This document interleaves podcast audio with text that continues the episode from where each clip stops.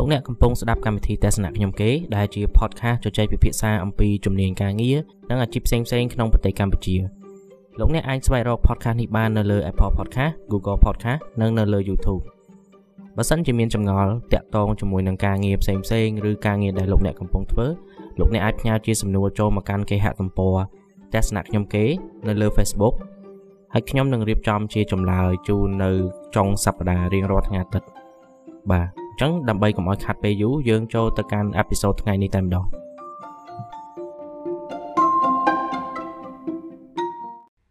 ប្រធានបទនៅក្នុងអេពីសូតនេះគឺអាយុ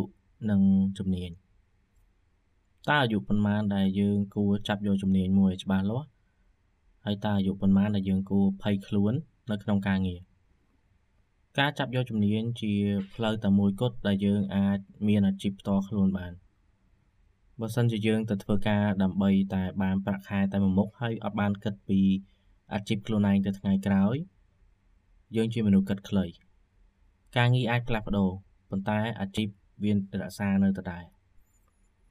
ខ្ញុំឧទាហរណ៍មួយការងារជាគ្រូបង្រៀនគាត់អាចទៅបរៀននៅសាលាឯកជនគាត់អាចបរៀននៅសាលារដ្ឋគាត់អាចបរៀននៅផ្ទះខ្លួនឯងឬគាត់អាចទៅបរៀននៅតាមផ្ទះរបស់សិស្សការងាររបស់គាត់អាចផ្លាស់ប្ដូរបានគ្រប់កន្លែង តែអាជីពរបស់គាត់នៅដដែលអាជីពរបស់គាត់គឺជាអ្នកបង្រៀនគាត់ចូលចិត្តបង្រៀនហើយគាត់ឲ្យតម្លៃទៅលើការបង្រៀនហ្នឹងការរកការងារធ្វើអត់ចំណាយពេលយូរទេប៉ុន្តែការចាប់យកអាជីពមួយគឺត្រូវការពេលច្រើនណាស់ហើយជំនាញអាចជួយឲ្យយើងចាប់យកអាជីពបានលឿនបើសិនជាយើងអត់មានជំនាញសោះការចាប់យកអាជីពរបស់យើងត្រូវចំណាយពេលយូរមែនតើអញ្ចឹងយើងបកមកមើលអាយុវិញបើសិនជាយើងទៅតែរៀនចប់ អាយុប្រហែលជាខ្ទង់20ឆ្នាំយើងអាចនៅមានពេលរៀនជំនាញផ្សេងផ្សេងដែលយើងគិតថាអាចនឹងប្រើការកើតនៅលើទីផ្សារការងារនៅថ្ងៃក្រោយមនុស្សមួយចំនួនគាត់គិតថាការរៀនជំនាញគឺរៀនជំនាញណាដែលកំពុងត្រូវប៉ាន់នៅក្នុងពេលបច្ចុប្បន្នតែការរៀនបែបហ្នឹងវាអត់ផ្ដល់ផលឲ្យយើងនៅក្នុងរយៈពេលវែងទេយើងគួរមើលថាតើជំនាញមួយណាដែលវានឹងចាប់ផ្ដើមរីកដុះដាលនៅ5ឆ្នាំក្រោយ ឬក៏10ឆ្នាំក្រោយទៀតជំនាញដែលយើងឃើញនៅលើទីផ្សាររាល់ថ្ងៃនេះវាអាចនឹងបាត់បង់នៅថ្ងៃណាមួយឬក៏គេផ្លាស់ប្ដូរវាទៅជាអីផ្សេងអញ្ចឹងក្នុងនាមយើងជាបុគ្គលិកមិនថាស្ថិតនៅក្នុងឋានៈណាទេព្យាយាមតាមដានទីផ្សារឲ្យមែនតើបើសិនជាទីផ្សារប្រែប្រួលគឺយើងប្រែប្រួលតាមវាដែរ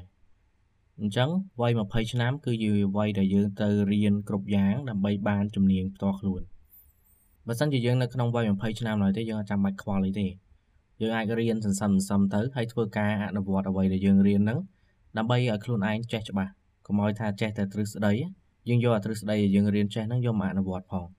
តែនៅពេលដែលយើងចូលដល់អាយុខ្ទង់30បើសិនជាយើងនៅតែអត់តមានជំនាញទៀតយើងគួរតែភ័យខ្លួន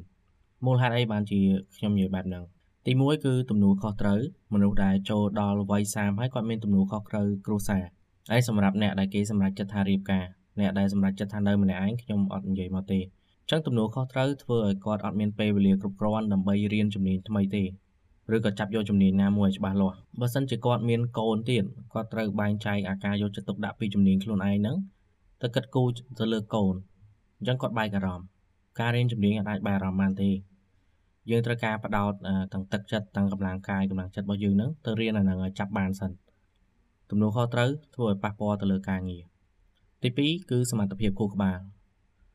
យើងដឹងហើយថាសមត្ថភាពខួរក្បាលរបស់មនុស្សយើងពេលដែលនៅក្មេងគឺយើងអាចរៀនបានច្រើនយើងចងចាំបានល្អតែនៅពេលដែលយើងចាប់ផ្ដើមចាស់បន្តិចម្ដងបន្តិចម្ដងទៅកោសិកាខួរក្បាលយើងចាប់ផ្ដើមធ្លាក់ចុះហើយសមត្ថភាពចងចាំយើងក៏ធ្លាក់ចុះដែរការចាប់យកជំនាញគឺពឹងទៅលើការចងចាំទៅលើអាល្បឿននៃការគិតរបស់យើង ថាតើយើងអាចចាប់បានប៉ុណ្ណានៅក្នុងហ្នឹង បើសិនជាយើងរៀនឲ្យភ្លេចរៀនឲ្យភ្លេចយើងក៏អាចយកទៅធ្វើការបានដែរយើងអាចពឹងទៅលើ Google បានយើងអាច search បានគ្រប់ពេលចុះបើយើងអត់ទាំងចាំថាពាក្យណាដែលត្រូវ search ផងហើយយើងទៅ search របៀបម៉េចយើងធ្វើការរបៀបម៉េចអញ្ចឹងយើងអាចមើលងាយសមត្ថភាពខួរក្បាលបានទេនៅនៅពេលដែលខួរក្បាលរបស់យើងកំពុងតែនៅល្អវានៅប្រើការបានយើងព្យាយាមចាប់យកជំនាញហើយនៅពេលហ្នឹងទី3គឺវ័យវ័យកាន់តែចាស់យើងអាចមានអារម្មណ៍ថាខ្មាស់គេនៅពេលទៅ ព្យាយាមរៀនជំនាញផ្សេងទៀតយើងគិតថាខ្លួនយើងចាស់ហើយអត់ចាំបាច់រៀនអីផ្សេងទៀតទេអានេះជាការគិតទូទៅរបស់មនុស្សយើងអាចបដិសេធថាថ្ងៃហ្នឹងយើងអាចអត់គិតអញ្ចឹងដោយសារតែយើងនៅក្មេងតែនៅពេលដែលយើងអាយុដល់30មកសួរថាយើងអាចនៅគិតដូចយើងនៅក្មេងទៀតអត់វាមានអាការប្រែប្រួលច្រើនទាំងនៅក្នុងខ្លួនយើងទាំងនៅជុំវិញខ្លួនអញ្ចឹងយើងអត់អាចស្មានដឹងថាអនាគតវាយ៉ាងម៉េចទេ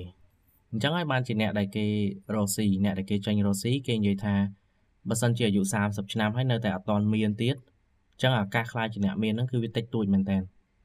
យើងកុំលើកយកឧទាហរណ៍មនុស្សប្រមាណអ្នកដែលគាត់អាចមានឱកាសជោគជ័យនៅពេលអាយុគាត់ចាស់វស្សាទៅ50 60វាមានតែប្រមាណអ្នកទេយើងគិតអាស្ថិតិភាគច្រើន ដែលវាកើតឡើង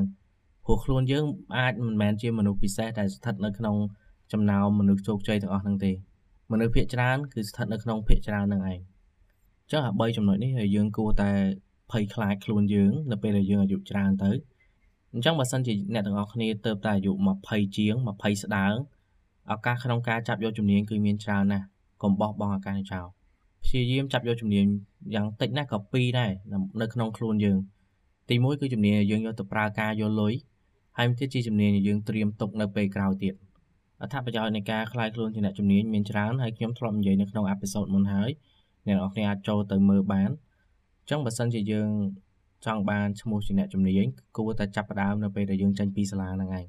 រៀបចំមេរៀនខ្លួនឯងទៅរៀបចំថាគួររៀនពីត្រឹមណាទៅត្រឹមណាហើយហើយបន្ទាប់មកយើងចាប់ផ្ដើមរៀនវាដោយខ្លួនឯងរៀនបណ្ដាធ្វើការបដាខ្ញុំអត់សុខចេះឲ្យរៀនសុទ្ធទេព្រោះការរៀនសុទ្ធនេះអាចធ្វើឲ្យយើងខ្លាយជាអ្នកជំនាញបានទេ អញ្ចឹងខ្ញុំមានតែប៉ុណ្្នឹងទេនៅក្នុងអេពីសូតនេះអ្នកទាំងអស់គ្នាដែលមិនទាន់ចុច Subscribe សូមចូលទៅ Subscribe ឬក៏ Follow ផងហើយបើសិនជាមានពេលជួយទៅសរសេរ review នៅក្នុង Apple Podcast ផងជួបគ្នានៅអេពីសូតក្រោយអរគុណ